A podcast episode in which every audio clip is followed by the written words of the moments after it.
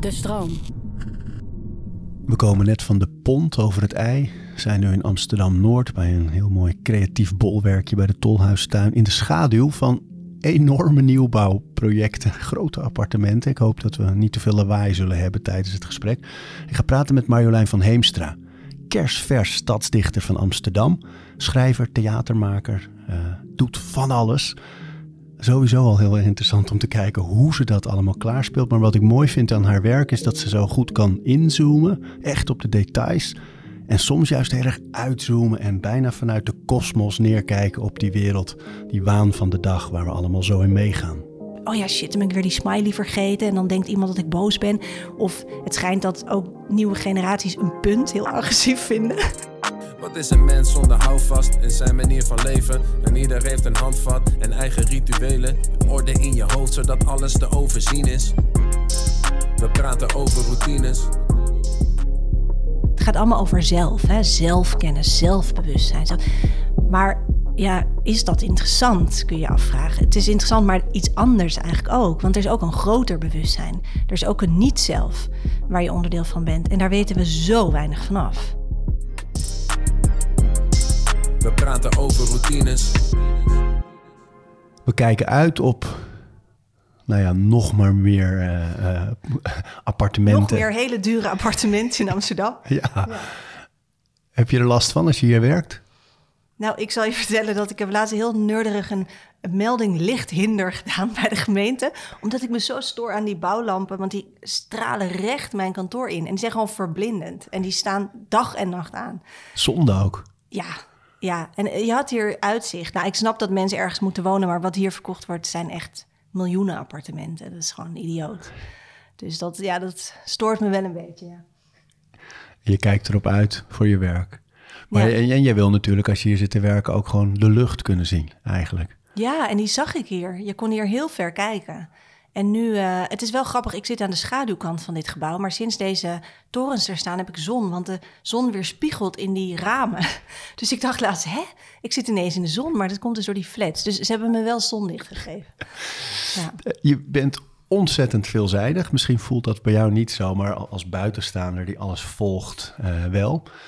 Theater, boeken, dichtbundels, uh, podcasts, projecten, buurtprojecten, maatschappelijke projecten.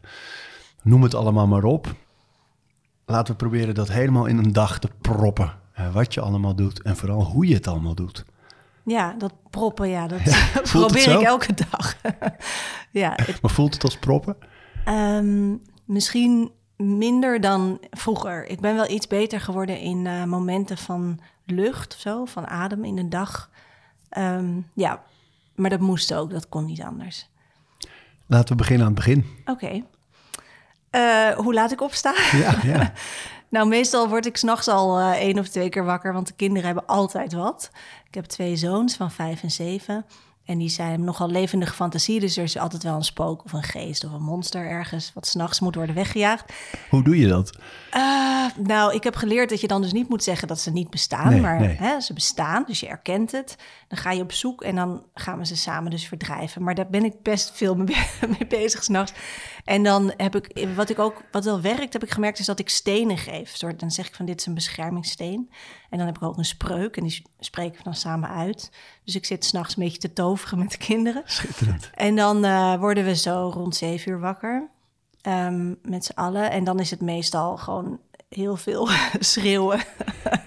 Want we zijn niet zo goed in de ochtend. Dus uh, David, uh, mijn geliefde, die, uh, ja, we, proberen altijd allebei het langste te blijven liggen. Dus we hebben eerst altijd, nee, ik was gisteren. Nee, jij was het. Ik ben vannacht. Zo. Heel veel kibbelen. En dan um, langzaam komen we uit bed. En dan is er altijd haast. Dus Um, ja, ik ben altijd onwijs uh, gefascineerd door van die gezinnen die dan zo samen ontbijten en s ochtends ergens tijd voor hebben. Dan denk ik, hoe dan? Want bij ons is gewoon eigenlijk chaos. En dat vind ik niet per se. Ik zou willen dat het anders was hoor. Maar onze momenten van rust en contact en zo, dat is niet in de ochtend. Nee, moeilijk hè. Nee. We hadden in deze serie ook Evie Hansen. En Ja. eh, die zei dat ze bewust ook echt, echt een half uur eerder die wekker zet. En als s'avonds eh bijvoorbeeld brood smeert voor lunchboxjes en zo. Ja, Dus die heeft echt dat, dat ze dan nou, bij wijze van spreken nog terug kunnen gaan naar huis om iets op te halen of zo. Of rustig naar school te lopen in plaats van te ja fietsen. waanzinnig. Ongelooflijk, hè? Maar en we Ja, hadden dat- Joris Beidendijk en die kookt voor zijn kinderen. Want zijn vrouw is Frans en ze willen geen brood meegeven. Dus die Oh, geven ja. hele maaltijden mee naar school. Holy shit. Maar die nemen Ja. dus de tijd om te helemaal te gaan koken nog in de ochtend. Bij beide Oh, verhalen dacht gesprek ik... begint heel slecht. Nee, want ik, nee, nee, nee, want ik zit in jouw kamp. Ik ben helemaal daar van... Ik heb thuis de verantwoordelijkheid voor de kinderen eh, ook eh, tot ik ze naar school heb gebracht. Dus Mhm. eh, zorgen dat ze uit bed... nou, ze komen natuurlijk zelf uit bed.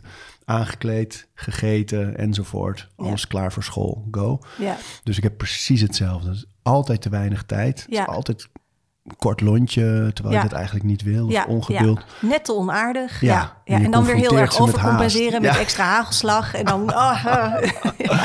Maar daarna, Oké, dus dan eh, zijn ze naar school. En dan ehm, ga ik eigenlijk altijd ergens koffie halen. En eh, dat is een soort van buurtmoment. Ik woon eh, hier in de Vogelbuurt in eh, Amsterdam-Noord. En je hebt een paar plekken waar met hele goede koffie... waar ook altijd zo buren rondhangen. En dat is bijvoorbeeld zo'n moment wat ik echt mezelf heb aangeleerd van... ik begin de dag niet met meteen to-do-lijsten en wat moet er allemaal af... maar met een soort van eh, waar ben ik? Oh ja, ik woon hier. Ik kom altijd dan iemand tegen. En ik heb ook echt mezelf aangeleerd om datgene wat er dan is, dus de echte plek waar ik ben, degene die voor me staat, dat heeft altijd voorrang op wat er nog moet gebeuren op de lange termijn. Dus ik begin meestal met, nou, vanmorgen had ik een heel gesprek met iemand over erwtenmelk. en daar had ik eigenlijk geen tijd voor, want er waren allemaal dingen die ik moest doen. Maar ik dacht, nee, maar ik ben nu hier en deze man wil iets vertellen over erwtenmelk. En dat vind ik leuk, want ik niks vanaf. Dus let's go. En dan, ehm, ja, dan, ik weet daardoor bijvoorbeeld ook heel veel over de buurt. Van wie er gaat verhuizen, wie er een rattenplaag heeft, wie er zo. En dat vind ik heel leuk, omdat je een soort van gevoel krijgt voor dat sociale weefsel waar je in zit. En de plekken waar ik eh, kom, ehm, vooral de Zithoek en eh Alponte bij het Eiplein, dat is ook een hele bonte verzameling van mensen. Dus je hebt altijd grappige verhalen en rare ontmoetingen. Dus daar begint mijn dag meestal mee. En daar blokkeer je daar dan in je agenda tijd voor? Dat je zegt, nou, ik wil niet voor tien uur of zo iets moeten. Nee, dat, dat heb ik dan weer niet. Want ehm, ik heb wel eigenlijk altijd lijstjes. Dus heel vaak heb ik al een soort van maandag voor de hele week, soms zelfs voor een hele maand lijstjes gemaakt. Maar die lijstjes maak ik elke keer opnieuw. Maar en, en ook dat zo'n lijstje eh, blijft aanwassen, geeft veel mensen juist ehm, een gevoel van stress. Van er moet nog van alles. Ja, Dat heb je niet.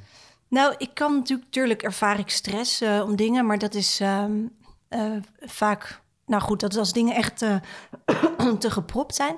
Maar over het algemeen merk ik dat ehm, het idee dat er nog dingen verwacht worden van mij en dat ik zelf nog dingen verwacht, dat houdt mij juist enorm draaiende.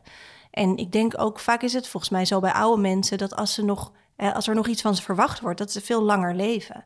Ik denk wel dat, het moet natuurlijk niet te veel zijn, maar dat het idee van, oh ja, ik ga ergens naartoe, ik, ik wil iets vormgeven, ik wil iets maken, dat dat je ook heel erg eh, richting geeft. Ja, dat is mooi. Ja. Net als bij mensen die met pensioen gaan, ziet dat ze ineens oud worden, Ja. omdat die reden om op te staan wegvalt. Mhm. Zo joh, ja. Maar ik wissel dat wel een beetje af met korte periodes van echt niks doen. Die zijn heel kort. Soms een dag of twee dagen. Maar dan kan ik wel even zo alles laten vallen. En denken van ja, ik zie het wel. Of ik het wel of niet red. En dat is ook wel met de jaren gekomen. Dus ik was vroeger heel erg... kon een deadline me echt stress geven. En dat, dat heb ik niet meer. Lekker. Nee. Ja. Ik neem aan dat je dan eh, hier naartoe gaat. Dat dat, is dat de werkdag? Ja, ik ga heel vaak werk ik hier. Ehm, ik zit ook wel bijvoorbeeld bij de correspondent eh, Oh ja. als ik voor hun schrijf. Ehm, en als ik aan een theatervoorstelling werk, wat nu wel een tijd geleden is, maar dan ben ik in een theater aan het werken. Dus ik heb gewoon zo'n paar plekken waar ik veel zit. Ja, en ik vind het ook heel lekker om eh, te beginnen met werken bij Alponte aan het Eiplein. Dan heb je een soort afdakje en dat is heel koud, maar als je warm aankleedt, dan kan je daar zitten werken. En dan heb je dus echt waanzinnig uitzicht over dat ei. En je hebt dan de hele tijd die pont die gaat en komt. Dus het is een hele mooie golfbeweging van heel druk en heel rustig. En dat vind ik een hele lekkere beweging om op te schrijven of te denken. Waarom is dat? Ja, ik denk dat het. ehm, ik hou gewoon zo van die afwisseling en die dynamiek. Ik zou niet ergens kunnen wonen of werken waar het voortdurend rustig is. Maar voortdurend drukte is me ook te veel. Dus ik heb heel erg die afwisseling nodig van geprikkeld zijn en ontspanning. En dat is dan in het klein gebeurt dat de hele dag op het Uitplein. Geeft ook al iets weer een beetje van hoe jij kijkt en, uh, en leeft. Hè? Dat je met dat soort uh, bewustzijn eigenlijk bezig bent. En dat Ja. je daar op voet in je werk. Ja, ja ik denk dat, dat mijn omgeving altijd heel erg eh, mee, zeg maar, resoneert in mijn werk. Dus ik ben wel echt heel gevoelig voor waar ik ben, wie ik tegenkom, welke gesprekken ik voer, ehm, welke vogels ik zie. Dat, is allemaal, dat gaat allemaal mee. Ja. Dus me afsluiten, dat, dat lukt niet. En dat vind ik ook zinloos eigenlijk voor de manier waarop ik schrijf. Want dat gaat juist over het tegenovergestelde van afsluiten. En een soort verbinding deed het zoeken. Ja, is dat wat het is?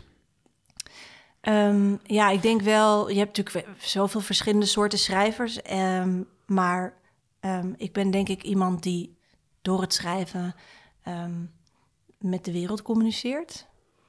En dat komt dan waarschijnlijk, ja, ik heb hier natuurlijk heel veel over nagedacht, van waarom doe ik dit zo? Maar ehm, dat ik dat steeds zoek, dat contact, dat is natuurlijk ook vanuit een onvermogen om dat contact te maken of zo. Ik denk dat vaak zijn mensen heel erg getraind in datgene wat ze eigenlijk niet zo goed kunnen. Want toch, daar ga je in oefenen. Dus je zwakte wordt uiteindelijk vaak je kracht. Omdat je dan... Ik heb, ben heel lang... Als kind was ik heel verlegen. Echt extreem verlegen. Dus mijn moeder vertelde ook wel dat ze dan soms dacht van... oh, ik moet echt tussen haar en de wereld gaan staan. Want ja, die, die kan dat helemaal niet aan. en dat zou je nu denk ik nooit meer zeggen. Maar iets daarvan heeft denk ik mij zo richting dat contact geduwd. Van een, poging om dat te overbruggen of zo. Ja, nu als je jouw werk bekijkt of leest of eh, tot je neemt op welke manier dan ook, dan is het inderdaad heel erg juist met mensen en over mensen. Ja, En eh, dat project eh, Nachtwacht dat je nu doet in de buurt, ja. eh, kun je daar eens iets over vertellen? Omdat dat gaat eigenlijk ook heel erg daarover, juist heel erg met Ja. mensen en voor mensen. Ja, dat is ontstaan ehm, toen ik mijn boek schreef over de ruimte en het heelal. En toen kwam ik erachter hoe ongelooflijk eh, slecht het gesteld is hier met duisternis in Nederland. Ik wist natuurlijk wel dat ik zelf nooit sterren zag, maar ik wist niet dat wij een van de meest lichtvervuilde plekken ter wereld zijn. Maar je bent geen regular die dat soort meldingen doet als hier. Dat je zegt, Nee, maar ik ga het wel worden, denk ja, Ik voortdurend. vond het heerlijk om te doen. Ik heb laatst ook een lantaarnpaal uitgedraaid voor ons huis. En dat gaf zo'n gevoel van, ja, het slaat hem nergens op, maar een soort autonomie. ik dacht, ik kan gewoon mijn lantaarnpaal uitdraaien. Maar is dat die lantaarnpaal waar je het ook wel eens over hebt? Volgens mij zit die Ja. in die podcast uh, Stadsastronaut Ja, ook. ja, ja, gebaseerd ja. op je voorstelling. Ja, dat maar de die- lantaarnpaal. Dat viezige licht. Die ja, precies. heb je Heb ik uitgedraaid. uitgedraaid. En uiteindelijk heeft de gemeente hem weer aangezet. Maar een hele aardige man. Hoe, hoe je dat doet? Ja? Ja? ja, je moet even kijken. Er zit zo'n eh Dit is een how-to, hè? Een- ja, Let op. een lifehack. Eh, en dan kan je gewoon met een sleutel... eh, je moet even de juiste sleutel vinden. Maar mijn onderbuurman Bob, die had die. En dan maak je hem open en dan zit er een stoppenkast. En dan trek je de stop los. En dan doe je dat luikje weer dicht. Want anders gaat misschien een kind daarin met die draden en zo. En dan zie je niks van. En dan is het wel donker. En dan duurt Ja. het een tijdje voordat ze denken... hé, hey, Op er een is er gegeven één moment kapot. komt dan iemand hem weer aanzetten. En dan eh, doe je hem weer uit. ja, ik zou niet adviseren dat, de- dat je dat doet op bijvoorbeeld plekken waar mensen kunnen struikelen. En zo laat ik even een soort eh, disclaimer voordat iemand onderuit gaat en dan eh, heb ik het gedaan. Maar bij ons kon het, want wij hebben zoveel lantaarnpalen dat die ene en die scheen recht in onze slaapkamer. Maar goed, we dwalen Ja, de af. Dus eh, de nachtwacht. Ehm, ja, dus het, dat was echt ontstaan vanuit dat verlangen naar meer donker. Ehm, eh, al dat licht in de stad is heel slecht. Sowieso voor ecosysteem. Je hebt heel veel dieren die natuurlijk de nacht nodig hebben. Vleermuizen, egels, van alles. Maar het is ook slecht voor ons eigen bioritme. Want we staan eigenlijk voortdurend een beetje aan. Ja. Doordat er zoveel licht is. En we heel laat pas het licht uitdoen. Ehm, en, en dat is gewoon slecht voor je, je bioritme. En dan eh, is er ook nog natuurlijk culturele verlies, want de nacht is ook een, een plek van, of een tijd van transformatie, van eh, bij elkaar komen, van intimiteit, van ehm, het niet oordelen, want je ziet eigenlijk niks, dus alles gaat op een heel andere ehm, zintuig dan het, de, de ogen, die heel veroordelend zijn. En de nacht is ook tijd waarin je aan bepaalde angsten misschien overgeeft, of door dingen heen werkt, of ehm, ja, een soort van, je kent wel de donkere nacht van de ziel. eh, een mystieke weg die mensen eigenlijk afleggen in hun leven om tot een soort verlichting te komen, verlossing. Nou, dit is heel theologisch, maar in het kleine is het natuurlijk eigenlijk elke nacht een donkere nacht van de ziel. Want je reist door de duisternis weer naar het licht. En dat is een waanzinnig mooie beweging die je elke 24 uur maakt als je hier woont. Is, Maar wat ik zo mooi vind bij jou is dat ehm, iemand kan dat dan bedenken en, en, of lezen of, eh, of daar is een, een middagje over mijmeren. Maar jij maakt er een project van. Ja, maar dat is, dat is gewoon eh, natuurlijk de mazzel die ik heb. Dat ik als theatermaker, kunstenaar, schrijver inmiddels geld kan verdienen. Dus ik heb ook de ruimte en de vrijheid om dat te doen. Als je accountant bent, ja, dan kan je niet ook nog een nachtwacht oprichten. Dus kan je wel dit soort gedachten hebben. Maar dus ik voel het ook, ik denk ook wel van ja, dat, dat is dan aan mij, want ik heb die ruimte. En even, en even praktisch ingevuld, wat Ja. je dan doet is, eh, mensen kunnen mee zo'n Ja, wandeling. dus ik dacht van, nou, al die duisternis, dat is een probleem, dat hebben we niet meer. Laat ik zoeken naar een hele donkere plek bij mij in de buurt. Dat is het Vliegenbos, dat is een stadsbos om de hoek. Dat is donker, dat is heel gelaagd begroeid. Dus met bladerenhout, echt alle, dat is gewoon, je ziet geen hand voor ogen. Ik was echt verbaasd toen ik daar liep, van, ben ik in de stad? En iedereen die ik meeneem daar naartoe, s'nachts is ook verbaasd. En toen dacht ik, nou, dan maken we een project waarin we dus mensen de duisternis laten ervaren. Want dan ga je pas voelen wat het is en wat het kan doen. En dan ga je er misschien bewuster mee om. Want al dat licht is vooral dat we zo onbewust zijn van de effecten daarvan. En, ehm, maar ik wil behalve dat het een project is over duisternis, ook dat het een project is over de plek waar je op dat moment bent. Van wat is dat vliegenbos? In welke buurt ligt dat? Welke mensen wonen daaromheen? Welke verhalen liggen daar? Dus zowel de menselijke als de niet-menselijke verhalen. Nou, en toen ben ik dus mensen gaan zoeken. Ik heb een hele leuke collega, Nejet, eh, uit de buurt, Nejet Kadour. En met haar ben ik eigenlijk dan gaan wandelen door de buurt en mensen gaan spreken van, oh ja, wat voor herinneringen heb je aan die plek? Hoe ga je met duisternis om? En zo hebben we langzaam een nachtwacht opgebouwd. En we hebben nu, gaan we een nieuw seizoen beginnen vanaf februari, maart. En ik heb acht mensen gevonden die zich hier aan willen verbinden met allemaal fantastische verhalen. Die eh, dus mensen mee gaan nemen Ehm, het is niet allemaal in het vliegenbos nu. We hebben bijvoorbeeld ook een schipper. En die gaat dan met zijn bootje, neemt die mensen mee naar een donker eiland bij Amsterdam.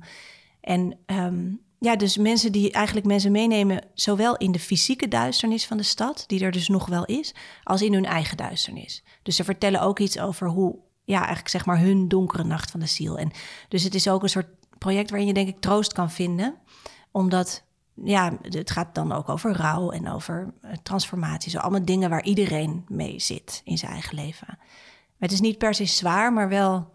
ehm, ja, het raakt wel denk ik aan wezenlijke dingen. Ja. En daar is de, de duisternis is daar de perfecte tijd voor om dat aan te gaan. Maar terwijl je dat vertelt, denk ik ook hoe jammer, maar uniek het geworden is om vreemde mensen aan te gaan spreken en te vragen naar een verhaal of een ervaring. Ja. Was dat moeilijk? Nou, ehm, ik vind dat dus eigenlijk best eng. Ehm, hoewel ik het veel doe, maar vooral om dus dat te overwinnen. Maar dan heb ik, Nejet is echt mijn troef. Want zij is zo, ehm, ik weet niet, mensen vertellen gewoon alles aan haar. Dus ik wist al meteen toen ik haar ontmoette, dat was een toevallige ontmoeting, dacht ik van ja, dit is, dit is er, zeg maar, die moet ik hebben. The chosen one. En dat had zij ook bij mij. Dus het was een soort van, ja, klik, ja, een soort vriendschapsverliefdheid die je soms hebt. Van, ja, Mooi. van let's go. En, ehm, en ik merk dat dat heel goed werkt samen. En bovendien, zij woont hier veel langer dan ik. Ik woon hier nu elf jaar. Nee, nou, negen. Negen jaar. En zij, ehm, zij is hier opgegroeid. Dus haar vader heeft een hele bekende slagerij hier in de buurt. En zij, dus zij heeft weer veel langere lijnen hier lopen. En dat, dat, dat werkt ook, omdat je dan ook weer mensen vindt die hier ook al veel langer zitten. Ja. Leuk man. Eh, Even over, als je het over rituelen hebt, wat je net even zo tussen neus en lippen door zei, van je doet het juist omdat je er bang voor bent. Ja, Doe je dat op meer vlakken? Dat je als je ergens bang voor bent of onzeker over het juist doen? ja ik merk dat ik vaak richting het ongemak beweeg. Ja. Kun je Ik- daar voorbeelden nog van geven? Nou, het, laat, ja, het hele kleine voorbeelden, maar dat ik dan met een, een, vader op school praat en dan zei ik van moeten we niet toch iets organiseren voor de hele klas en al die ouders. Zegt van, vind ik altijd zo ongemakkelijk. En toen dacht ik, oh ja, ik ook. En daarom wil ik het doen. dus het is een soort, dat ik ineens die realisatie van ja, ik heb dus vaak als ik dingen of ook als ik zenuwachtig word van mensen of het niet helemaal snap of zo, dan ga ik die onwijs opzoeken. Soms op het obsessieve af. Wel als ik denk, oké, nu moet ik even stoppen. Maar ehm, ja, ik weet heel, echt niet waar dat vandaan komt. En we- weet je wel waar het toe moet leiden? Nou, ik denk dat het leidt tot ehm, een, ja, ik zou willen zeggen onzekerheid, maar dat klinkt alsof ik zelf onzeker ben, maar meer het wegnemen van stelligheid, zeg maar. En ehm, ik ben best veroordelend, zoals veel mensen misschien. Ik heb daar echt wel last van. Ik merk dat ik heel vaak naar mensen kijk en echt denk, hm. En dan heb ik meteen mijn oordeel klaar. En ja, dat, om, om de wereld te zien of mensen te zien, moet je daar toch aan voorbij. En ik denk dat dat is door dat ongemak heen bewegen. Want dat gaat dus ook over naar mensen toe bewegen waar je eigenlijk best een oordeel over hebt. Of situaties waarvan je denkt, ja, dat is niks voor mij of zo. In die podcast eh Stadsarne, Stadsastronaut, die ook gebaseerd is op je eh, laatste voorstelling, hè? Ja, eh, ja één na laatste. Eén laatste. Ehm, daar benoem je dat ook heel sterk. En dan richting je buurman, onderbuurman Bob. Ja, ja, ja. Van dat je wil leren begrijpen en leren kennen. Maar dat was een soort conclusie die je trok aan de hand van de kosmos. de kosmos. het klinkt enorm, maar kun je eens Ja. uitleggen? Ja, eens denken, ja, het ging eigenlijk over van hoe ehm, ik las hoe astronauten kijken naar de aarde. Dat is inmiddels best bekend verhaal. En dat ze dan van zo'n grote afstand heel veel houden van die planeet. En plotseling zien alles... Overweldigd worden door liefde, Ja. noem je het. Hè? Ja. en dat ze echt een, ehm, een, ehm, een mindshift, zeg maar, of mentaliteitsverandering hebben. Als ze vaak genoeg naar die aarde kijken vanuit de ruimte. Want je ziet dus dat alles verweven is. En dat je zelf dus ook niet een autonoom los onderdeel bent, maar dat je gewoon een, ja, een soort stukje bent in zo'n weefsel. En dat is natuurlijk een heel ehm, interessante gedachte voor mensen als wij, die opgroeien in een extreem geïndividualiseerde samenleving. Dus wij zijn eigenlijk van jongs af aan krijgen we te horen dat we onszelf moeten ontwikkelen. Dat het gaat allemaal over zelf, hè? zelfkennis, zelfbewustzijn. Maar ja, is dat interessant, kun je afvragen. Het is interessant, maar iets anders eigenlijk ook. Want er is ook een groter bewustzijn. Er is ook een niet-zelf waar je onderdeel van bent. En daar weten we zo weinig vanaf. Ik bedoel, noem iemand die door de stad loopt en weet welke bomen, zeg maar, welke vogels je hoort. Welke, dat is allemaal onderdeel van wie je bent, van de beweging die je maakt door een dag heen. En je weet er niks vanaf. Je weet alleen maar iets over jezelf. En dat is eigenlijk heel saai.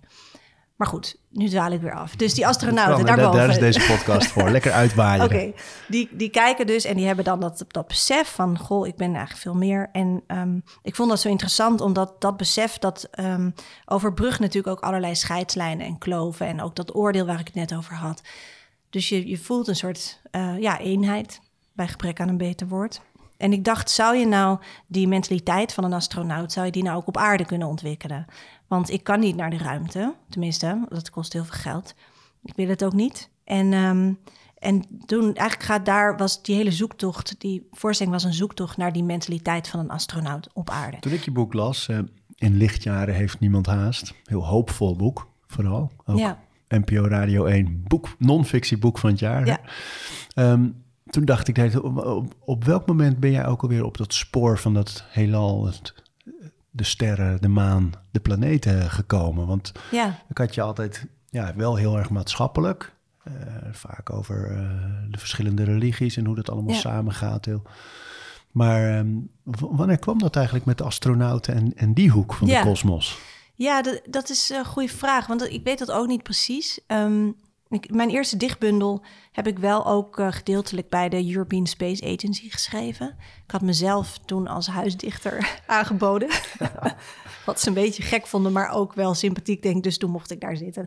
Dus ik had wel toen al die fascinatie. En een van die eh, gedichten uit die bundel had ik ook aan André Kuipers opgedragen... die toen naar het ISS ging. Ja. En die heeft ook toen in de ruimte dat gedicht voorgelezen. En dat was al in 2013, dus dat is toch al wel een tijdje aan de gang. Ja.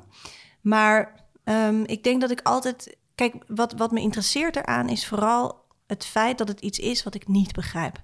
Dus waar ik het net over had, dat je naar dat ongemak wordt toegetrokken... dat gaat ook misschien over dat je wordt getrokken door dat wat je niet snapt. En waar je niet direct iets over kan zeggen of wat je in vertwijfeling brengt. En dat heb ik ook met het heelal. Dat was ook waarom ik bijvoorbeeld godsdienstwetenschap ging studeren. Want ik dacht, ja, God, ja, geen idee. Dus dat vond ik interessant. En dat, en dat heeft het heelal natuurlijk ook. Dat is gewoon het, het mysterie waar wij onderdeel van zijn.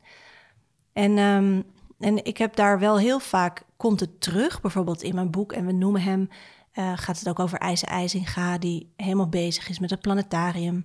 Nou, ik heb mijn oudste zoon vernoemd naar IJzer IJzinga. Dus dat hele idee van kijken naar iets groters en je daarover verwonderen, dat, heeft, dat speelt altijd in mijn werk. Maar ik heb denk ik altijd gedacht dat ik niet over het heelal kon schrijven, omdat ik het een beta-onderwerp vond. Ik moest ook heel vaak, als ik dan boeken lees daarover, dan moet ik me echt door al die natuurkundige dingen heen worstelen. En dan denk ik al heel snel, oh ja, hm, nou, dit is dus niet mijn onderwerp. En op een gegeven moment dacht ik, ja, maar het is het wel. Want ik ben er al, uh, al jaren mee bezig. En je kan op een wetenschappelijke manier kijken, maar ook op een poëtische manier. En dat is eigenlijk wat ik toen heb gedaan in dat boek en in de stukken toen ben ik voor de correspondent gaan schrijven. Dacht, ja, waarom, waarom ook een beetje dat van ik durf het niet, maar wat gebeurt er als ik het gewoon doe? Als ik wel gewoon over ruimtevaart ga schrijven, zonder dat ik iets van die technische of natuurkundige kennis heb. En toen merkte ik dat ik eigenlijk een heel eind kwam, omdat je natuurlijk ook op. Er, ja, er is zoiets als een soort poëtisch begrip van een onderwerp. En dat heb ik over de ruimte. En dan, dan kan je die formules wel opzoeken. En dat moet je dan 50 keer dubbel checken en door anderen laten lezen. En dan zit je nog soms ernaast. Maar um, nou ja, ja, toen ben ik dus gaan schrijven. Het was een soort voornemen. Op een gegeven moment dacht ik, ben daar gewoon klaar voor. En ook klaar mee dat, het, dat ik er nooit over durf te schrijven. Nou, wat zo heerlijk is aan dat boek, is dat je eigenlijk de, de thema's van nu, de, de angsten en de zorgen die we allemaal hebben over, over klimaat, over uh, de verharding, over al die dingen die we, waar we allemaal mee geconfronteerd worden. Maar dat er een soort relativering plaatsvindt als je erop uh, op uitzoomt. Ja. Uh, die hele gedachte. Maar Ja. hoe werkt dat? Nou, ehm, het was inderdaad een van de dingen die ik in mijn boek heel erg benoem en zoek, is een relativering. Omdat eh, ik vind dat we leven in een tijd, vind ik niet alleen natuurlijk, die ongelooflijk snel gaat. En onze, de hele, alles is erop gericht om onze aandacht weg te trekken van de werkelijkheid. We zijn eigenlijk de hele tijd bezig met dingen die niet, zich niet afspelen rondom ons, maar in ons hoofd of online. Of... Dus je zit de hele tijd in een soort tunnelvisie. En er, komt heel veel stress bij kijken, want je bent je voortdurend aan het vergelijken en er is heel veel, heel veel gejaagdheid. En ik wilde ehm, dat, daar iets naast zetten, want ik geloof wel dat dat allemaal kan en waar is. En het is goed ook om jezelf soms aan te sporen, maar daarnaast is er iets anders. En dat is gewoon, ja, dit is wat het is, weet je wel. En een soort ruimte en rust en niemand zit ergens op te wachten. En al helemaal niet op jou en ook niet op al die anderen met hun volgers en hun dingen. En, en dat, ik zocht dat, die ruimte, die denkruimte. En ehm, nou, als je dan dus zo gaat uitzoomen, dan kom je natuurlijk al heel snel tot relativering van, ja, wat zijn we nou helemaal? In dat gekke kleine zonnestelsel ergens aan de rand van de Melkweg, wat ook nog maar een onderdeel is van een cluster en een supercluster en een weet ik veel. En, en toen dacht ik ook nog even van, ja, maar je kan het ook dingen kapot relativeren. Dat beschrijf ik ook in mijn boeken, dat zeggen we ook vaak van, ja, maar als je dat, ja, dan blijft er niks over. Maar toen dacht ik, ja, maar relativeren, daar zit ook het woord relatie in. Dus het gaat eigenlijk juist heel erg over dingen naast elkaar leggen en verbinden en, en het grote en het kleine naast elkaar leggen en zien waar dat elkaar raakt. En zien dat het tegelijkertijd waar is. Dus het gaat niet over die, dat uitzoomen is waar en dat inzoomen niet. Het gaat over, het is allebei waar. En dat is relativeren voor mij. Dus de relatie tussen dat, ja, dat grote en dat kleine. Een andere manier waarop jij dat eh, soms doet, is dat je met een telescoop gewoon lekker op het plein gaat staan en naar Ja. de maan gaat kijken. Een oefening in uitzoomen. Ja. Ja. En dan, wat gebeurt er dan? Nou, ik heb dat nu een aantal keer gedaan. Het was met corona natuurlijk ook steeds weer een beetje lastig. Want eh, wil je dan mensen bij elkaar brengen en zo. Maar mijn ervaring ook daar is dat als je dus met mensen omhoog gaat kijken. Ik heb ook een nachtwachtacademie met, eh, opgericht met kinderen uit de buurt. En dan zijn we ook bezig met een ruimtereis. En ehm, dat, dat je vanuit de verwondering bij elkaar komt. In plaats van vanuit een verwachting. En dan, eh, dan vallen er zoveel dingen weg. En dan kan je met zoveel mensen waar je, ja, die je helemaal niet kent, zo kan je echt iets heel bijzonders ervaren. Omdat je gewoon samen kijkt naar die ene maan. We hebben maar één maan, dat is super weinig. Vind ik heel treurig dat de aarde maar één maan heeft. En dan, eh, ja, en je verwonderen over wat dat is. En dat dat altijd maar met ons meedraait. En dat Hoe het reageren misschien- mensen? Wat zei je? Hoe reageren mensen die dan voor het eerst door zo'n telescoop misschien... Dat is, vinden mensen vaak heel mooi. Het is ook heel mooi. En wat zeggen ze dan? Wauw. dat zeggen ze eigenlijk, wauw, wauw, zo dichtbij. Want je ziet, met die telescoop zie je echt de kraters en de rand. En het is, het is alsof je er ja, bijna, bijna aan kan raken. Dus het, is, het brengt enorme nabijheid van iets wat je altijd... Maar ook een soort bewustzijn van, oh ja, dat is er de hele tijd. En, en dat, dat merk je eigenlijk nooit op, maar het is er. Mijn moeder zei dat heel vaak als ik me ergens heel erg zorgen over maakte... of, of met mijn eigen ambities bezig was en van alles moest en vond. En dan als ze merkte weet je, hoe je dan daar een beetje in kan ontsporen in sommige perioden... gewoon te veel interviews pluggen, promoten, maken. Ja. Uh, Arie, kijk eens naar de maan vanavond. Ja. Zei ze dan alleen maar. Dan maar was- deed je dat dan ook? Ja, dat deed ik dan ook. Hmm. En er zijn ook momenten geweest dat ik zei, ja, fuck de maan, ik moet door. Of Hmm. eh, alleen ook wel momenten dat ik dan echt even keek. En, en eh, wat ik vaak heb bij natuur of zoiets als de maan... eh, dat je je heel klein voelt en onbeduidend Ja, eh, in de tijd. En dat dat een hele frisse manier is om ook weer te relativeren. Maar eigenlijk ook je, om jezelf gewoon weer even op, op een goede plek te zetten. ja, ja, Los van de schoonheid en de rust die de maan ook heeft. Dat je- ja. Nu heb ik heel vaak als ik bij ons het erf oploop en er is een volle maan bijvoorbeeld. Er zijn weinig straatlichten daar. Je zou het fantastisch vinden. Heerlijk. maar eh, dat is zo mooi licht. Ja, En dan is het, ja. alles ziet er anders uit. Mhm. Dus nu blijf ik heel vaak, gewoon nu ik iets vol- volwassener ben daarin, eh, blijf ik even staan en echt tijd nemen om te kijken en te Ja. zien wat het met me doet. Dus bij, bijna meer als meditatie dan als het bestuderen van die maan zelf. Ja. Maar het, het doet wel veel, ja. ja. Maar ik denk dat je nu iets belangrijks noemt, want tijd is heel erg cruciaal. En ik denk dat veel van de ontsporing waar we nu in zitten te maken heeft met tijd. En de ervaring van tijdgebrek. Die is natuurlijk niet werkelijk, want je hebt geen gebrek aan tijd. Maar die ervaren we wel zo. En die wordt ons eigenlijk opgelegd door, ja, ik denk dat ik een beetje marxistisch ga klinken nu, maar toch door een soort systeem van voortdurend consumeren en produceren. Ehm, wat ons zogenaamde tijdsbesparende eh, dingen geeft. Een app waarmee je sneller ergens komt of weet welke trein je moet nemen zonder dat je in een spoorboekje hoeft te bladeren. En hoe meer tijd we besparen, hoe meer tijdgebrek we ervaren. En dat geeft ons een gevoel van stress. En stress geeft tunnelvisie en tunnelvisie maakt dat je niet meer open staat voor anderen. En volgens mij is dat wel gewoon heel simpel.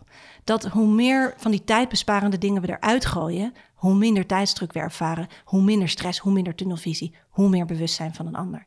En ik, daar kom ik, ik denk de hele tijd gewoon, want het lukt mij ook niet. Hè? Ik, bedoel, ik heb ook gewoon een, een, een iPhone.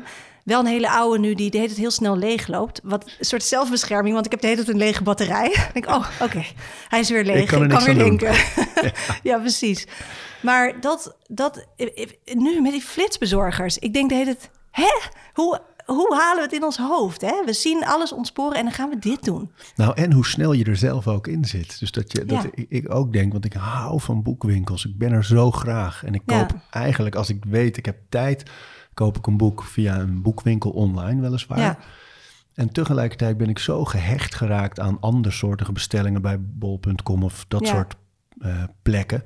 Amazon, noem ze allemaal maar. Waar, waar je gewoon weet, ik bestel het nu en het is morgen heb ik het al. Dat, Ja. Er zit een, een verwenning eigenlijk ook in die Ja. luxe, die ik toch ook wel heel fijn vind af en toe. Dat ik merk, ja, maar ik doe er volledig aan mee. Ja.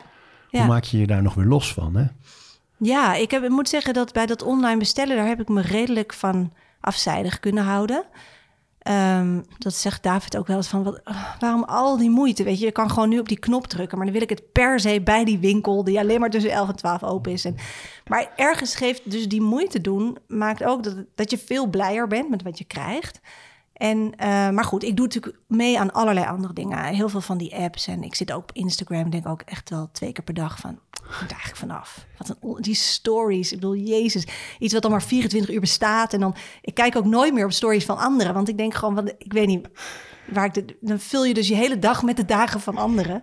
Zo krankzinnig. Ja, en je gaat geloven eh, dat het een soort, dat het de wereld is. Ja, Dus dat Ja. je, terwijl het niet eens een klein deel, het is echt een mini-deeltje van de werkelijkheid natuurlijk. Alleen het voelt als de wereld. Het oh, voelt dit als heel groot. En dit vindt die. En dit, ja, ja. Ja. En ik denk dat het zo belangrijk is om dat steeds, steeds weer klein te maken voor jezelf.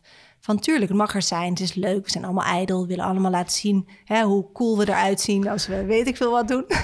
Maar, maar tegelijkertijd stelt het eigenlijk niet veel voor. En dan zouden we ook iets meer kunnen lachen om alles wat daar wordt, heen en weer wordt ge... Het is ook weer ehm, uitzoomen dus. Ja, maar het is wel moeilijk. Ik kom ook wel eens in discussies met mensen online. En dan voel ik meteen zo woep, die stress omhoog komen. Terwijl ik denk van, relax, weet je. Waarschijnlijk als je deze persoon op straat tegenkomt, is het weer helemaal anders. Want online communiceer je ook heel gek, Ja. toch? En je moet de hele tijd, oh ja, shit, dan ben ik weer die smiley vergeten. En dan denkt iemand dat ik boos ben. Of het schijnt dat ook nieuwe generaties een punt heel agressief vinden. Dat ze het als agressief ervaren als je een punt achter een zin zet. Dat las ik laatst. Nou, wie schreef dat nou? Nou, daar Oh, moest ik, heel hard om lachen. Je hebt op, Ja. eh, op Netflix heb je zo'n serie die gaat over eh, exclamation point, het uitroepteken. Ja. Een, een docu. Mhm. En eh, hoe, die, hoe- dat veranderd is. Dus dat je bijvoorbeeld The Old Man in the Sea van Hemingway, er staat Ja. in het hele boek één uitroepteken. Oh ja? Het hele boek. En Ja. als je bij ons, dus als je alleen maar zegt ja, leuk, één Ja, uitroepteken, uitroepteken. is niet leuk genoeg. Nee, oh, dat nee, vindt hij nee. gematigd interessant dit. Nee, er moet zeven Dat is bijna ironisch. Als je nu geen uitroepteken gebruikt, ja, leuk. Maar Daar Ja, word je zo bewust van. En, en ja. mijn vrouw Romy is, is iets jonger dan ik. Dus ik app in met leestekens, met Ja. komma's en punten. Ja. En soms zelfs dubbele punt of punt aanhalings... Of Ja. weet je, van alles. Is het een- is het een mevrouw. quote tussen aanhalingstekens. ja, ja. En eh, zij moet er altijd zo om lachen ook. Ja. Van, eh, ja, dat Een is soort bijbeltaal, Ja. ze dat. ja, Ja. man. Maar ja, Maar dus die haast en die soort jachtigheid, die zit ook in onze taal. Die is helemaal, die is Ja. ons denken ingeslopen, onze taal, alles, alles ingeslopen. ja, en soms denk ik heel... Want ik, ik, ik las ergens dat je jezelf een conservatief... Nee, wat was het nou? Een realistisch conservatief... Nee. Progressieve conservatief? Of Ja, een conservatieve... ja. ja. Ik, wil, ik wilde zeggen een realistisch conservatief, maar dat was het niet. Het was, nee, het was wel iets progressiever dan dat. genuanceerd conservatief. Daar kwam het op neer in ieder geval. Ja, progressief en conservatief in één eigenlijk. Ja, ja ik, ik vind het, zeg maar, het conservatisme als... Of conservatief, ja, zo zeg je dat denk ik wel. Als beweging vind ik interessant omdat het zo gaat over behoud van wat er is en herstel. Ehm, in plaats van alles de hele tijd... Die vernieuwingsdrang is natuurlijk ook vernietigend. Zo. En ik denk dat wat ik jammer vind, is dat het conservatisme nu heel erg is geclaimd door rechts. En door mensen die, naar mijn idee, helemaal niet conservatief zijn. Want eh, natuurbehoud, dat is conservatief. Maar dat is niet iets wat rechts nu omarmt. Ehm, eh, conservatief zijn eigenlijk allerlei denkbeelden die gaan over, eh, ook over rust en over traagheid. En dat is het tegenovergestelde van populisme. Dus het is heel gek dat wij conservatisme associëren met rechts. En ik zit in een heel klein groepje van vier mensen die stiekem conservatief zijn. en daarachter staat een vuurkorf. We hebben laatst met z'n allen om een vuurtje conservatieve gedachten. Oh, ik dacht liberale boeken verbrand, maar dat... Nee. nee, we hadden het wel over van... Nee, maar daar ga ik Nee. verder niet op in. Maar ehm, Nou, ik denk, zou, zou dat niet te maken kunnen hebben met dat, die, dat het zo geclaimd is door die rechtse kant van de politiek, omdat dat veel meer gaat over we moeten de cultuur houden zoals die is en de waarden en de tradities Mhm. Ja. houden zoals ze altijd geweest zijn. Die vorm van conservatisme Ja. is wel heel rechts, toch? Dat klopt. Alleen is die natuurlijk gebaseerd op een leugen. Want ehm, zoals zij de cultuur voorspiegelen, is die nooit geweest. Dus dat is een beetje het probleem met dat soort conservatisme. Dat is, dat is niet echt conservatief. Het is fictief. Het is eigenlijk gewoon fictie. Het gaat over een verhaal wat ze hebben bedacht over wie wij zijn. Ehm, waar ook natuurlijk heel veel mensen zich niet in herkennen, omdat het niet is wie we zijn. We hebben nu natuurlijk een beetje een kijkje in jouw hoofd. Ik ben zo benieuwd hoe het bij jou met het schrijven zit. Als je, als je gedichten schrijft, die vaak heel persoonlijk zijn ook. Ehm, eh, je boeken, je theater. Ehm, kies jij per dag van vandaag werk ik daaraan? Of laat je het komen? Hoe werkt dat? Ja, het gaat een beetje per week, denk ik. En ook wel per project. Dus ik ben nu dan met een podcast bezig voor het Rijksmuseum. En dan, ehm, ik heb altijd één project wat zeg maar bovenaan staat. Dat heeft de meeste prioriteit. Dus dat krijgt nu de meeste aandacht. Bovenaan het lijstje. Bovenaan het lijstje, ja. Ja, dus daar werk ik dan een paar dagen in de week aan. En dan de tijd die overblijft, ehm, is eigenlijk vaak de voorbereiding van een volgend project. Dus, ehm, en ik werk altijd in, in blokken. Blokken van vier uur vind ik het fijnst. Zo, nou, van zeg maar negen tot één. Ja. En dan even niet. En dan weer van twee tot zes. Zo. Maar die, ik bedoel, die schrijf ik dan op. Dus die blokken zijn ook meer eh, kaders. Maar het is niet dat ik dan vier uur non-stop aan het schrijven ben. Deze aflevering van Overroutines wordt aangeboden door Squarespace. Een alles-in-één platform waar je je eigen website kunt bouwen en beheren. Maakt niet uit of je producten, diensten of je passie met de wereld wil delen. Het kan allemaal bij Squarespace. Ik noem even kort drie handige functies van het platform. Met het ontwerpsysteem kan je makkelijk je website vormgeven en het helemaal eigen maken. Squarespace analyseert hoe je website presteert en wat er voor nodig is om je bedrijf online verder te laten groeien. En ook kan je abonnementen en exclusieve content aanbieden aan betalende leden. Start nu je gratis proefperiode via squarespace.com/overroutines. En ben je klaar om je website echt te lanceren? Gebruik dan de code overroutines, dan krijg je 10% korting op je eerste aankoop van een website of domein. Schrijf je op de computer? Ja. Laptop? Ja, ja. Ja, en vaak print ik het dan uit en dan schrijf ik met de hand de correcties erin en dan weer, ik weet niet waarom, maar ik heb veel beter overzicht als ik het heb geprint.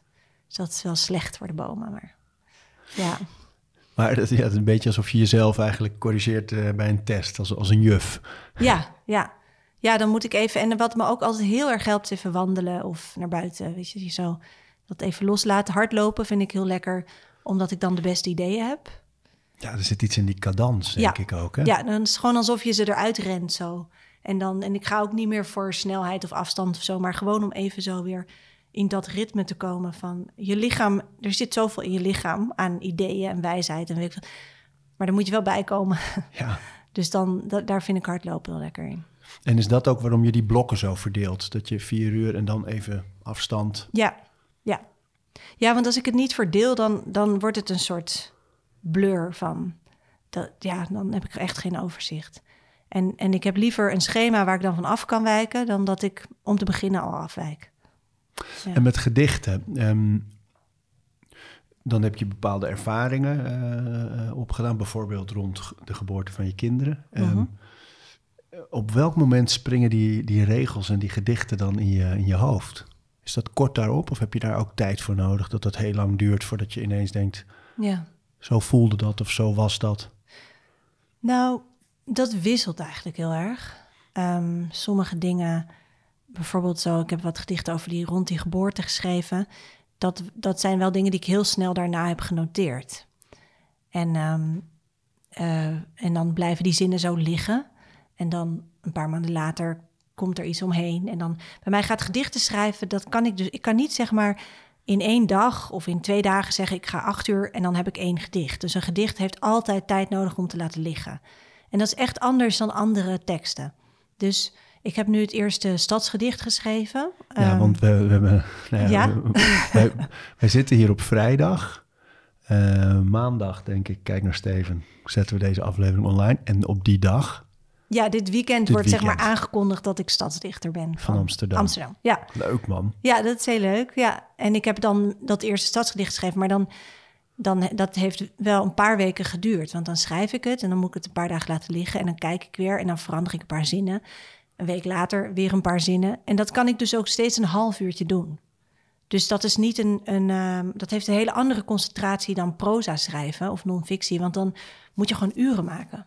Je moet gewoon dat hele verhaal, dat, er moet een soort, het moet er staan en dan kan je gaan pielen, zeg maar, op de millimeter. Maar bij poëzie is eh, voor mij zijn hele korte blokjes. Toen we, voordat we gingen opnemen, hier naartoe liepen, zei jij... eh, ja, nee, mijn dag zit vol met routines eigenlijk. We hebben nu natuurlijk het, het sterrenkijken en eh, het schrijven, het werken, de koffie, het praten gehad. Wat missen we nog? Nou, ehm, ja, met de kinderen natuurlijk. Met kinderen heb je sowieso gewoon heel veel routines. Dus je moet ergens staan op een schoolplein op een bepaalde tijdstip. en altijd weer die broodtrommels en altijd weer die. Het is een soort van. En, en ook eh, in huis. Ja, dit, dit is natuurlijk niet zo sexy allemaal, maar je hebt ook gewoon een huishouden, zeg maar. En maar grappig genoeg vind ik dat dus eigenlijk heel leuk. Want ik zeg het niet zo vaak, maar ik hou erg van schoonmaken. Dus ik heb bijvoorbeeld, we hebben dan komt iemand schoonmaken bij ons op maandag. En we hebben echt geen groot huis, hè? Die komt vier uur schoonmaken. En dan ga ik op donderdag, ga ik zelf altijd soort van met een doekje overal langs en stof weghalen. En met, ik heb zo'n Swiffer. Zij gebruikt hem niet eens, onze schoonmaakster, maar ik wel. En dat geeft mij dus ook enorm veel rust om zo in mijn huis bezig te zijn met, ehm, ja, met zo'n uur stoffen en eh, dingen op zijn plek zetten. Ehm, Ja, Dat is ook echt een theorie, hè? Die, eh, en nog even los van Marie Kondo en wat het allemaal eh, met de psychologie ook doet. Maar de, de zen-boeddhisten zeggen het ook. En vooral omdat het fysiek ook nog is. ja, Dus je Ja. maakt eigenlijk je hoofd ook schoon door, door schoon te maken, te vegen, Ja. op te ruimen, te ordenen. Maar omdat het fysiek ook nog is, doet het nog iets extra's met eh, tot rust komen eigenlijk. Ja. En overzicht creëren. ja, totaal. En het verbindt je ook met de plek waar je bent. Dat vind ik dus ook leuk. Want je, het is ook allemaal aandacht die je in je eigen huis stopt. Dus je, ehm, ja, ik ken mijn huis heel goed. Omdat ik, ik denk als je alleen maar iemand anders laat schoonmaken, dan ken je ook niet die alle hoeken en de rare vormen van je huis. En waar nou altijd dat stofnest ligt. En je weet niet waarom. En nou goed, ik, heb ook, ik ontdek ook geluiden. Bijvoorbeeld onze gasmeter maakt een heel gek, heel zacht piepgeluid. Gezellig is dat. En, ja, en dan denk ik, oh, dit huis heeft zoveel te vertellen. Ja, er was ehm, in de eerste quarantaine, lockdown, hoe noemden we het toen nog? Ehm, De intelligente lockdown, in- of niet? ja, ja, die. Die achteraf misschien niet zo intelligent bleek, maar dit terzijde.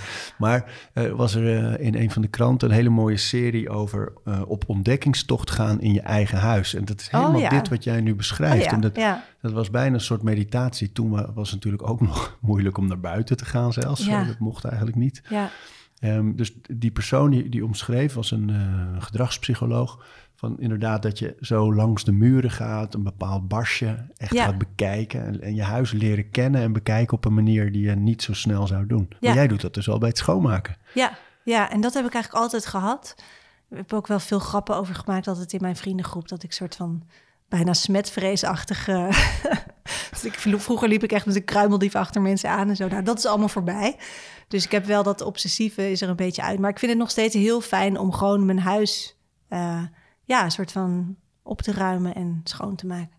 En dat heb ik ook met die voortuin die we delen, dus met de buren. Dat ik echt eh, wel een paar momenten per dag even kijken hoe dat allemaal gaat. En, en wat er nog zou kunnen geplant worden of wat er omhoog komt. Of, en dat gaat echt, dat zijn echt drie vierkante meter. Hè? Dus dit is geen eh, enorme landgoed.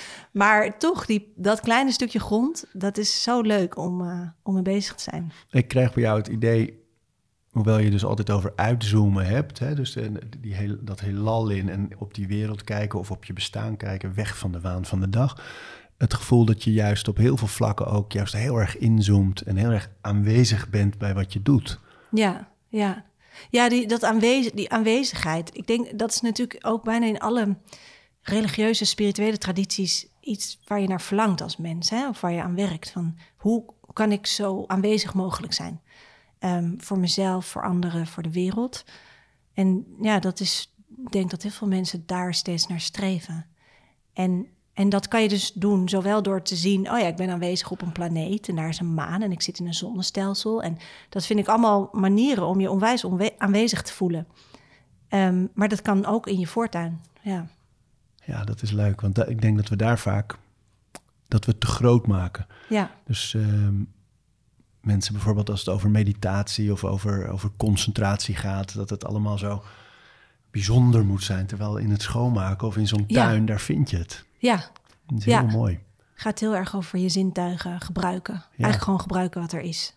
En in zo'n, je hebt van Chris Pint volgens mij, een Vlaamse filosoof, een boek, eh, De Tuin der Verbeelding. En dat gaat ook heel erg over, maar die gebruikt die tuin ook als metafoor voor de rest van het leven. Van, Mm. Dus als je wil dat iets goed groeit, moet je het aandacht geven. En Ja. eh, je moet er misschien een hek omheen zetten als iets niet beschadigd mag worden. Of Ja. beschermen tegen vogels. En, dus hij heeft, hij heeft allemaal metaforen voor hoe je eigenlijk je leven helemaal in kan richten. Zoals je een tuin Ja, bestiert. ja. ja. dat is grappig. Ja, want inderdaad, het is zo simpel. En wat ik dan nu ook wel, waar ik nu in mijn gedachten schiet, interessant is dat je ook natuurlijk eh, met allerlei dingen te maken krijgt waar je geen zin in hebt. Want dit klinkt net alsof je het allemaal helemaal heel gecontroleerd. Maar wij hebben bijvoorbeeld heel veel ratten in de vogelbuurt. En die hebben nu, je hebt dan schijnbaar ratten onder de grond, maar je hebt ook dakratten. En bij ons zitten ze dus in het dak en tussen de muren. En ik hoor dus s'nachts wel eens zo'n rat zo, zo precies achter mijn hoofd langs gaan.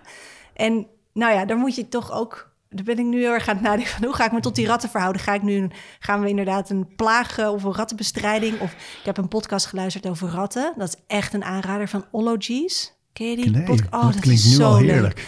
En dan is een, een eh, ja, rodentologist, of weet ik veel hoe die dan heet. Maar die, die weet alles over ratten. Nou, die heb ik nu geluisterd. En sinds ik dat heb geluisterd, luister ik ook heel anders naar die rat... die zo achter mijn hoofd langs loopt s'nachts. Maar dit vind ik een mooi voorbeeld, man. Super slimme dieren, hè? die dus heel, heel sociaal... en ze Schoon, achterdeuren en zo, waar ze uit vluchten. En dus Hoe nu- heet die podcast? Die podcast heet Ologies en het gaat dus over allerlei ologies, psychology, sociology, Ah. maar de raarste ologies. Dus een van de mijn favorieten gaat over eh, eh, glimwormen. Daar ben ik enorme fan van. En, en dan luister je dat en dan weet je bijna alles over glimwormen. En deze over ratten is ook zeker voor Amsterdammers fantastisch, want we leven natuurlijk met die dieren. Dus ehm, Maar dat vind ik leuk, want jij, kijk, waar een ander zou denken, bah, ratten, we moeten eraf. We bellen iemand, er komt iemand vergif strooien of vallen Ja. zetten, weg ermee. Maar jij gaat dan opzoeken, hoe kan ik me er tot verhouden? En dat blijft eigenlijk, eh, blijkt eigenlijk meer een, bijna een relatie aan te gaan, met, zonder er iets van te vinden of het weg te Ja. moeten of bang voor te zijn. Of, maar hoe kan ik het leren kennen ja, en een plek in mijn leven geven? ja, en er dan dus ander, en er gewoon dan ook veel minder last van hebben. Terwijl Zo, ik dit zeg, dus denk ik, echt. Ja, wij willen ook nog ons huis verkopen. dus ik weet niet of dit nou zo Noem het nummer van de buren. Het zijn hele lieve ratten. je krijgt ze er gratis bij. ja, maar dat, ja, dat wat je zegt, zo, zo werkt, dat werkt voor mij in elk geval wel, ja. Ja. Ja, En is dat met andere angsten of zorgen, werkt dat ook zo? Ja maar ik kan natuurlijk niet voor anderen spreken. Ik heb de mazzel dat ik, zeg maar, mentaal gezien... ehm, gewoon geen last heb gehad van hele grote dingen. Ehm, als je een enorme psychische kwetsbaarheid hebt, dan kan ik me voorstellen dat het anders werkt. Ik heb wel mensen om me heen met echt hele heftige depressies. Of ja, ik denk niet dat een podcast over ratten je daar vanaf helpt. Dus het is, dit is toch meer, het, het moet ook bij je passen of zo. Het moet wel aansluiten.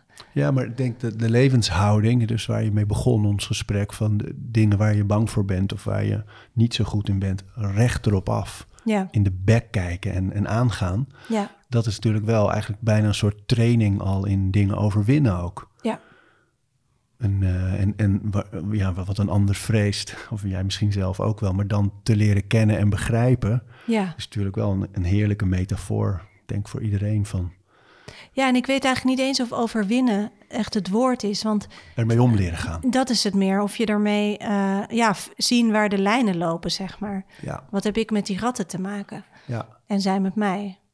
Ja, maar in, in, in de psychiatrie zeggen ze ook heel vaak over bijvoorbeeld trauma's en zo. Je moet niet willen dat het weg is of je moet niet... Ja, Maar leer ermee omgaan en weet dat het er is en Ja. accepteer dat. integratie, Ja, ja. dat is mooi. Het, eigenlijk om, om het inderdaad van toepassing te laten zijn op ratten of, of op Ja. je buurman. Ja, Ja, dat is een mooie oefening. ja. Zo, hè. Eh, je, je slaapt volgens mij moeilijk, hè? Zeg ik niet omdat ik nu in in je ogen ja. kijk. Nee, gewoon vanuit je werk haal ik dat. Gaat het wel goed met je? Ja, ehm, in periodes slaap ik heel slecht. Ja, ik moet zeggen dat het de laatste tijd, sinds de kinderen me wakker houden, heb ik er minder last van. Want nu doen anderen het, zeg maar. Ehm, ik heb wel echt periodes gehad van heel veel wakker liggen, ja. Omdat je zo Ja. al die processen in je hoofd nog eh, gaande zijn?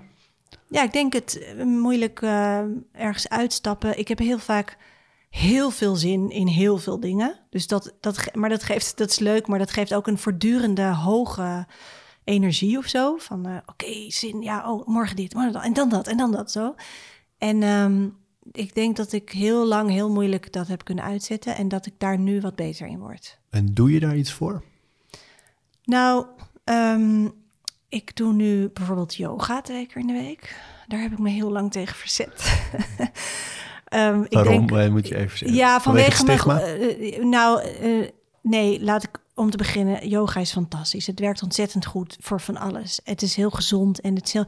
Mijn ehm, obstakel, persoonlijk obstakel met yoga... was dat ik tijdens mijn studie godsdienstwetenschap... heb ik gewoon zoveel geleerd over hoe het Westen... bepaalde Oosterse tradities heeft geclaimd... eh, heeft ontdaan van alles wat Oosters was... en naar zichzelf heeft gevormd. En dat heeft me altijd een beetje tegengestaan. En als ik dan soms bij een yogaschool moest ik dan bepaalde Sanskriet zinnen of zo, dacht ik van, maar ik, ik ken die taal niet. Ik weet niet wat ik zeg. En dan moet ik van iemand aannemen die daar, weet je, met zo'n blonde staart en zo. Dat, nou, oordeel, oordeel, oordeel. Maar in elk geval, daar had ik heel veel last van, van dat oordeel. Dus ik kon me niet dan, kon ik niet een of Ik andere vind het wel ontspannen... echt een goede reden, want ik denk bij uitstek je, kan een mooie ervan van die yoga nemen, maar maak het, maak het eigen. Voor, ook voor zo'n trainer of docent bedoel ik Ja. dan, zo'n teacher. Ja. Maak het eigen en ga niet iets nadoen omdat het ergens anders eh, gedaan wordt. Ja, ja en ik, had, ik voelde gewoon zelf niet de ingang, zeg maar. En ik Nee. dacht, ja, dan ga ik iets doen wat... Dus ik, ik had gewoon te veel weerstand. En op een gegeven moment werd het hier in de tuin, mocht ik gratis meedoen, omdat ik hier een kantoor heb. En dat vond ik heel fijn, want je zat in de tuin, dus je hoorde de hele stad en de vogels en de verbouwing en alles was er. En dan bezig zijn. En zo groeide ik er eigenlijk langzaam in. En nu heb ik wel een plek gevonden waar ik het dus heel prettig vind om te doen. En, ehm, en ik merk dat dat bijvoorbeeld eh, heel veel rust in mijn lichaam brengt. Ehm, hardlopen is ook iets wat me dus echt, ja, dus toch wel bewegen. Hm. Bewegen geeft eh, Ja, veel geen meditatie of dat soort... eh, Nee, Ik heb het gevoel dat jouw leven al heel meditatief is, omdat je zoveel Nou, nadenkt over wat je ziet en voelt en ervaart. Ja, dat, ik denk dat er, dat er zeker met, in dat schrijven zit een soort meditatieve kwaliteit of zo. Wat ik wel, waar ik wel de tweede helft van mijn leven meer aan zou willen werken, is eh, compassie. Omdat ik gewoon, wat ik net zei, vind dat met alles, hè, ik lijk het nu allemaal heel goed te weten, maar ik zit, ik, er, zit zoveel oordeel in wat ik doe. En, ehm, en daar, daar loop ik steeds weer tegenaan. En misschien ben ik me er nu veel bewuster van dan vroeger. Dat denk ik eigenlijk. En dat, ja, dus dat, dat is iets. En daar, en daar is meditatie natuurlijk wel bij uitstek heel geschikt voor. Maar het moet ook een beetje passen in je leven. En ik heb nu nog jonge kinderen. En ik denk dat ik dat ook even de ruimte moet geven. Ik ben wel bijvoorbeeld weer wat meer naar de kerk aan het gaan. En daar vind ik ook wel zo'n, eh, ja. Waarom ben je dat gaan doen? Nou, ik heb altijd al die, wel die interesse. Dat weet je wel. Ja, we kennen ja, elkaar ja. al een tijdje. Ehm, en We zijn wel samen naar de kerk geweest. Jeruzalemkerk in de Baarsjes. Ja, ja, ja, klopt. Ja, ja dus het, ik vind het interessant. ehm, het christendom is natuurlijk gewoon cultureel gezien mijn bagage. Dus, en ik, ik geloof wel in dat heel veel spirituele tradities veel overlap hebben. En dan kun je dat overal gaan zoeken. Maar je kan ook gewoon denken van... oh ja, dit is waar ik vandaan kom. Dit ligt dicht bij mij. Dit ken ik, dit begrijp ik. En dat is mijn affiniteit ook met het christendom. Ik vind dat verhaal van Jezus en van de andere wang... van de heb uw naaste lief... Zo, het is een super radicaal verhaal. Wat ik heel... eh, wat me echt kan ontroeren. En ik vind ook het idee van een, een gemeenschap... Ja, ik ga daar nu een beetje zo schoorvoetend... ben ik me daarin aan het eh, mengen. Maar eh, ja, zo'n gemeenschap waar je dan... die je niet per se uitkiest... maar waar je wel tussen gaat zitten en denkt van... ja, oké, we gaan nu Iets bidden verbindt. met z'n allen. Ja, Dat vind ik... eh, ja vind het radicale van die verhalen, ja, wat je zegt, die andere wang. En ook dat verhaal dat ze die vrouw willen gaan stenigen. En dat eh, Jezus roept van, eh, nou, wie van jullie helemaal niks op de kerfstof heeft, die mag Ja. de eerste steen gooien. Dat Ja. is zo relevant nu ook. Ja, Dat, dat, ja. dat opstaan en eh, maar je moet dat eigenlijk steeds weer afstoffen of zo. ja. En, Ja. en ik vind het wel mooi in zo'n kerk. Ja, ik vind gewoon dat bidden mooi. Dat is natuurlijk ook fysiek, hè? Ja. En dan, ik, ik mis een beetje wat natuurlijk in de islam vind ik dat gebed wel ja, mooier die vijf beweging. momenten. Ja. Ja, dat je zo staat en weer zit. Ook een soort yoga-houding eigenlijk. Ehm, dus, dus ik zou wel willen dat we iets meer zouden bewegen tijdens het gebed. Maar ik vind het toch dat stilzitten, die handen even bij elkaar brengen, je ogen dicht. Het is ook, ook meditatie. Dus ehm, Ja, zoals de Joden bij dat gebed, eh, altijd bij die ja, dat wiegen zo. Ja, ja. Maar ik, ik, ik merk zelf ook dat je... ehm, onze kinderen waaieren nogal snel uit eh, tijdens het eten. Dus eh, een Ja. paar happen, hup, van tafel. En, nee, kom terug eerst.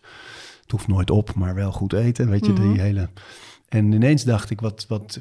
Vroeger vond ik het verschrikkelijk, maar waar ik nu best wel veel waarde in zie, is dat die, het eh, eten vroeger zo gemarkeerd werd. Er- Dus er werd gelezen en gebeden vooraf en erna. ja. Van nu begint er iets en nu eindigt er iets. En, Ja. dat, en dat was eigenlijk als kind heel duidelijk.